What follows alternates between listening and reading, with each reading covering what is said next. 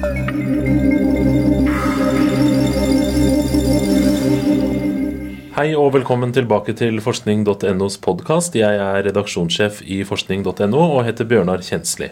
I denne podkasten skal vi snakke om hvordan det er for en forskningsjournalist å skulle skrive en sak om et felt der det finnes svært lite forskning. I dette tilfellet kvelds- og nattåpne barnehager, og hva det gjør med barna våre. Vi skal også snakke om en runolog som har knekt en over 1000 år gammel kode.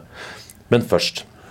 Erik Tandberg har i over 50 år vært romfartseksperten i radio og TV, helt siden den første satellitten Sputnik ble sendt opp seint på 50-tallet. Nå har forskning.nos journalist Arnfinn Christensen laget et portrettintervju med Erik Tandberg. Og det har blitt en egen podkast her på forskning.no. Og Arnfinn Christensen, hvorfor valgte du nettopp Erik Tandberg?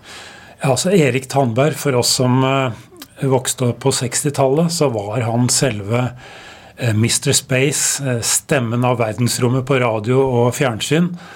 Og mange av oss kan nok svare veldig godt på spørsmålet hvor var du da Neil Armstrong satte sitt første skritt på månen? Og grunnen til at vi kan svare på det, det er jo at vi satt klistret foran TV-apparatene og så Erik Tandberg formidle denne fantastiske direktesendingen fra månen i farger med den tidas teknologi. Altså han var, han var en legende helt fra den første Sputnik på slutt på 50-tallet og framover gjennom 60-tallet, da vi hadde dette fantastiske romkappløpet. Mm. Og eh, jeg har jo eh, spurt ham om hvordan denne månenatten opplevdes i studio i NRK den gangen, og dette er, er hva han svarte da jeg laget portrettintervju med han. Det var jo en historisk begivenhet, da. Det skal mye til uh, å overgå den, altså. Jeg, uh, jeg var berørt. Jeg, jeg, jeg var rørt. Mm. Dere måtte da bli forferdelig slitne? Det, men det var begeistringen da, ja. som måtte oss oppe. Jeg husker, jeg husker på morgenkvisten da vi hadde holdt det gående hele natten. Da satt en kameramann i en stol. Kameraet gikk. Og så var det én til i studio, men ellers var det helt tomt. Men, men allikevel, dette var altså historie. Dette var altså så, så stort og så mektig at, at bare det holdt en våken, altså. Mm. Så Nei. det ble vel en sånn litt sånn en helt spesiell stemning etter hvert av at dere nesten glemte det formelle. Og dere innførte jo du-stilen, skjønte jeg, på denne sendingen her. Ja, vi gjorde det. Altså, Jan P. og jeg vi hadde jo et uh, veldig godt forhold, og, og, og, vi kjente hverandre. Vi hadde det veldig avslappet. og uh, vi klarte å få skapt denne atmosfæren også med andre folk i studio. Så jeg tror vi var eh, bidragsytere til en mer avslappet form i samtale i, i studio. Erik Tandberg har også møtt eh, begge de to som, som, først landet på månen i juli i 1969? Ja, han har det. Han, og det helt fantastiske er at han fikk en veldig spesielt god kontakt med selveste Neil Armstrong, som for øvrig var en veldig mediesky person. Men uh, Erik Tandberg forteller i dette portrettintervjuet om hvordan han møtte ham kvelden før han skulle intervjue ham på et arrangement i Konserthuset, og de fikk en helt spesiell kontakt.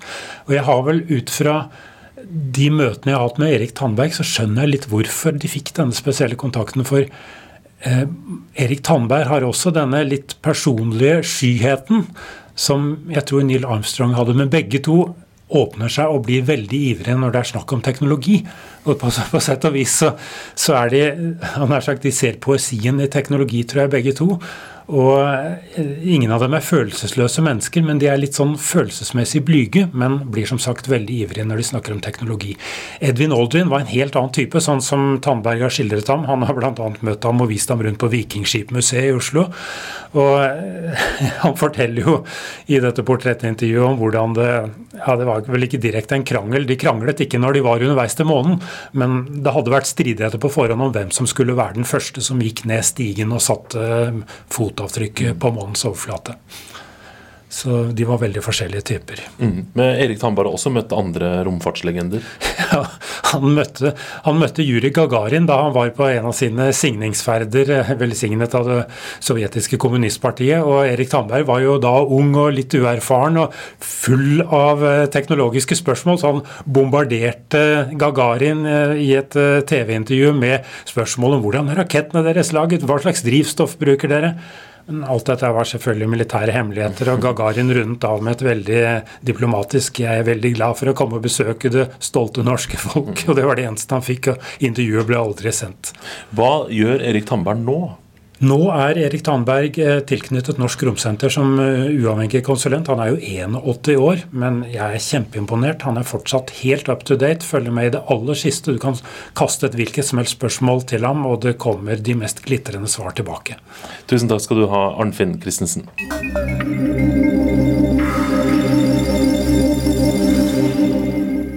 Denne uka skrev du, journalist Ida Kvittingen, en sak om eh, en runolog eh, som heter Jonas Nordby. Han har eh, knekt en over 1000 år gammel runekode som ingen har greid å knekke før. Hvordan greide han å knekke koden? Jo, det var mens han jobbet med doktorgraden sin at han studerte veldig mange gamle runeinnskrifter. Han dro rundt i hele Nord-Europa og så på innskrifter på stein og på pinner. Disse innskriftene er fra år 800 og nyere, så de ble altså brukt både i, både i eh, vikingtid og middelalder. Og så prøvde han å finne ut hva slags koder de var skrevet i. Fordi det var jo sånn at folk skrev ofte i koder på den tida. Men det er ikke alle kodene vi har klart å løse i dag. Nordby han eh, studerte én av disse innskriftene og tilsynelatende så var det bare masse runetegn som var satt sammen i tilfeldig rekkefølge. Men eh, da han så nøyere på det, så viste det seg etter hvert at det var et system i disse innskriftene. Og det var også Jøtun-Vildur-koden som han eh, klarte å løse. Og det han så, det var at Jøtun-Vildur-koden den eh, gikk ut på å bytte ut eh, runetegnet med den siste stavelsen i runenavnet. Fordi det er sånn at alle runer har et eget runenavn. F.eks. er U-runen kalt Urr. T-runen er Tyr. A-runen er Arr. Og ved å bytte ut da U med lyden R, så får du tegnet R. Sånn at de skrev R istedenfor U. Og dette var systematisk gjort, eh, fant han ut. Og når man da ser det på mange innskrifter og finner at det er et system, så må man kunne si at han har knekt eh, koden. Mm. Men problemet med denne koden, det er at det er eh, mange runetegn som slutter på samme lyd. Altså mm. mange runenavn som slutter på samme lyd. F.eks. Eh, både U-runen, T-runen og A-runen slutter på R. Sånn at man vet ikke helt eh, hvilket eh, tegn de som har skrevet koden, viser til. Mm. Så ikke en veldig god kode, egentlig. Men hva ble den koden brukt til, da? Ja, det er jo eh, ikke en god kode til å kommunisere med, i hvert fall. Og det var jo det som gjorde Nordby litt nysgjerrig. For hvis man skal tenke seg at man brukte kodene til å kommunisere med andre med, Kanskje man har tenkt seg at det var hemmelig budskap som eh, man måtte overlevere gjennom bruk av disse kodene. Så stemmer jo ikke det helt uh, gjennom bruk av Jøtunviller-koden. Eh, så da begynte han å lete etter andre bruksområder. Og da jeg traff Jonas Nordby nede på Vikingskiphuset, så fortalte han meg litt mer om hva han trodde vikingene og de som bodde i middelalderen, brukte kodene til. Vi kan jo høre litt hva han sa. Vi vet jo selvfølgelig ikke hvorfor de skrev i koder, eh, annet enn det tekstene røper, som en lek eller en utfordring. Men eh, vi kan tenke oss at eh, det å leke og konkurrere og more seg med skrift, det kan også ha vært en del av selve skriftopplæringen. Eh, skal ha i tanken at det var jo ikke noen runeskole, i hvert fall ikke hva vi vet om. Eh, man må regne med at kunnskapen om runene ble overført fra person til person. I noen samfunn var det kanskje enkelte som ble, var kjent for at de hadde høyere kunnskap om runer enn andre, og det var dem man gikk til for å lære runene. Men det å øve seg i runer, eh, en skolering, det, det fantes vel ikke systematisert, skal jeg tro. Og Da kan kanskje en slik lek, slike koder som bygger på at du må kunne runealfabetet, du må kunne runenavnene, du må kunne rekkefølgen av runene, det er øvelser i det å kunne lære å lese og skrive. Eh, så hvordan kan denne Jøtunvillur-koden brukes til å lære runer? Jo, for å kunne skrive Jøtunvillur-koden, så må du jo kunne hele runenavnet. Så det er jo en god måte å pugge runenavnene på, rett og slett. For det nytter ikke å bare kunne tegne, altså den første bokstaven. Du må kunne hele, hele tegnet. Så det tror jeg kan være, har vært en fin måte å, å lære runenavnene på. Mm. Men det var ikke bare til opplæring han eh, tror at runekodene ble brukt. Eh, det kan se ut til at det også var eh, en form for lek og moro de hadde med hverandre ved å bruke disse kodene. Blant annet er det funnet flere innskrifter som kommer med en oppfordring til mottakeren om 'tolk dette'. Tolk disse runene rett. Og da er det altså en utfordring til den som skal lese det, om å, om å klare å gjøre det. Det var også en del som skrøt av hvor flinke de selv var til å skrive disse kodene. I et gravkammer på Orkedøyene har de funnet én innskrift eh, hvor det står disse runene ristet den mest runekyndige mannen vest for havet. Så de var ganske fornøyde med seg selv når de hadde klart å, å skrive kodene på en god måte. Mm -hmm. Det må ha vært ganske stort for uh, runologen eh, Jonas Nordby å knekke denne koden først. Uh, når du var og snakka med han, sa han om hva han følte da han, han knakk koden? Ja, det er jo et viktig funn, sa han selv.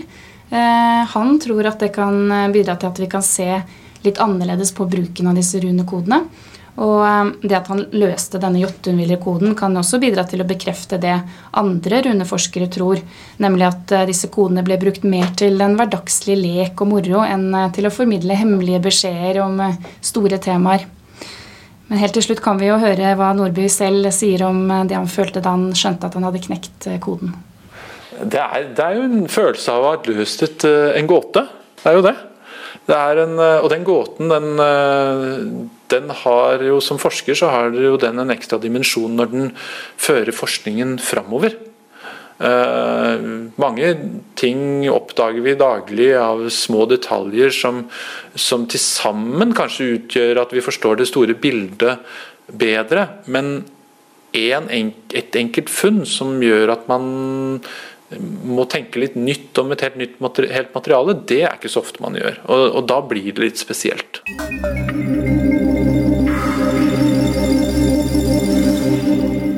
Da har vi fått redaktør Nina Kristiansen i eh, studio. Og etter et innslag på Dagsrevyen om kvelds- og nattåpne barnehager som følge av kveldsåpne butikker, så begynte du å sjekke om det fantes noe norsk forskning på sånne barnehager, og hva det gjør med barn. Hva fant du? Ja, Vi gjør jo dette her noen ganger i Forskning NO. Vi tar tak i eh, samfunnsaktuelle fenomener, og så vi, skriver vi om det med utgangspunkt i den kunnskapen som er dokumentert gjennom forskning. Det er sikrere kunnskap enn hva eh, du og jeg måtte mene som foreldre, eller hva eksperter eh, som jobber i fagorganisasjoner eller i arbeidstakerorganisasjoner måtte mene. Vi, er, vi skriver alltid om forskningsbasert kunnskap. Så da begynte jeg å leite.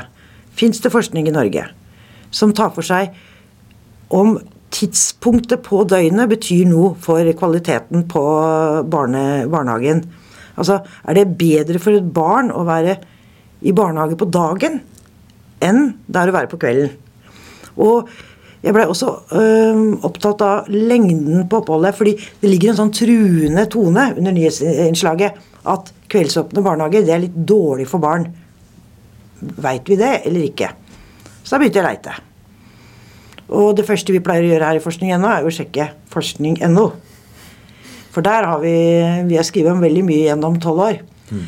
Eh, og jeg fant ikke noe på det. Jeg fant mye barnehageforskning og, som handla om veldig mange forskjellige ting. Leken, kjønn, eh, ansattes eh, utdanningsnivå, eh, sykdom i barnehager, massevis. Men jeg fant ingenting som handla om, eh, om tidspunktet på døgnet betydde noe for barnehageoppholdet og lengden på oppholdet. Mm. Så Hvor begynte du å lete hen da? Er det noen barnehagetidsskrifter eller et eller annet uh, man ja, kan begynne å lete i? Det er jo det, da. Da går vi til tidsskriftene. Mm. Der fant jeg heller ikke noe. Så sjekka jeg om det fantes noen forskergrupper. Jeg fant forskergrupper, men de hadde forska på alt mulig annet. Jeg sendte jo en henvendelse til dem, både i, i Vestfold og, og i Tromsø. For hyggelig svar, men det er ingen som har forska på akkurat denne delen av barnehageopplevelsen for barn. Tok kontakt med enkeltforskere. Så spenner vi da nettet videre. ikke sant? Dette er standard metode i forskningen. Og vi sjekker Danmark og Sverige. Det er land som vi kan sammenligne oss med. eh, forsvar fra Danmark, et sånn kompetansesenter der nede, om at de har ikke noe forskning på det. I Sverige hører jeg ingenting. Eh, til slutt så ringer jeg rett og slett ei venninne i Utdanningsforbundet, altså fagorganisasjonen for de eh, eller førskolelærerne. Og hun har mye meninger. Men i Forskning forskning.no så skriver vi ikke så mye om meninger, hva de forskjellige må ha. Vi vil ha forskninga. Så da blei det rett og slett stille. Mm. Amerikansk forskning og engelsk forskning finnes jo på alt. Ja, men problemet med amerikansk forskning er jo at kan, du kan ikke sammenligne det uh, å være foreldre og ha et barn og ha barnehageplass med Norge. De har jo knapt nok svangerskapspermisjoner der borte. I uh, Storbritannia så er det også veldig uh, helt annerledes kompetansenivå på de barnehageansatte. Der har de noen få måneders kurs, mens i Norge så har man jo mange års utdanning. Så det blir veldig vanskelig å sammenligne, da. I USA så er det gjort studier på opphold for barn i barnets første år. Men det um, er jo ikke så veldig relevant for Norge, da. Mm. Så hva skjer da? Blir det, noe, blir det sak? I dag fikk jeg napp, da. Mm. Endelig. Det jeg begynte å gjøre da, det var at jeg begynte å ringe til folk som hadde lang erfaring med barnehageforskning. Altså, De har ikke forska på akkurat dette. Men de har forska veldig mye på barnehager, og hadde en prat med en av dem. Og eh, det viktigste hun gjorde, var jo å bekrefte at her er det ikke noe forskning. Det samme fikk jeg fra Utdanningsdirektoratet. Det er ikke noe forskning på feltet. Og det er jo interessant i seg sjøl, da. Mm. For at nå synser man jo. Nå kommer de kveldsåpne butikkene. Eh, nå jobber vi på alle mulige slags tider av døgnet. Hva skjer med barna? Skremme, skremme, ikke sant? Og så har vi faktisk ikke kunnskapen. Og det er jo et viktig resultat. At det her, eh, når man uttaler seg nå, så er det rett og slett rein synsing. Mm. Tusen takk skal du ha, redaktør Nina Kristiansen. Intervjuet med Erik Tandberg og saken om runekodene kan du lese på forskning.no. Og Ninas sak om eh, forskning eller mangel på forskning på kveldsåpne barnehager kommer på forskning.no til uka. Og vi er tilbake med podkast også neste uke.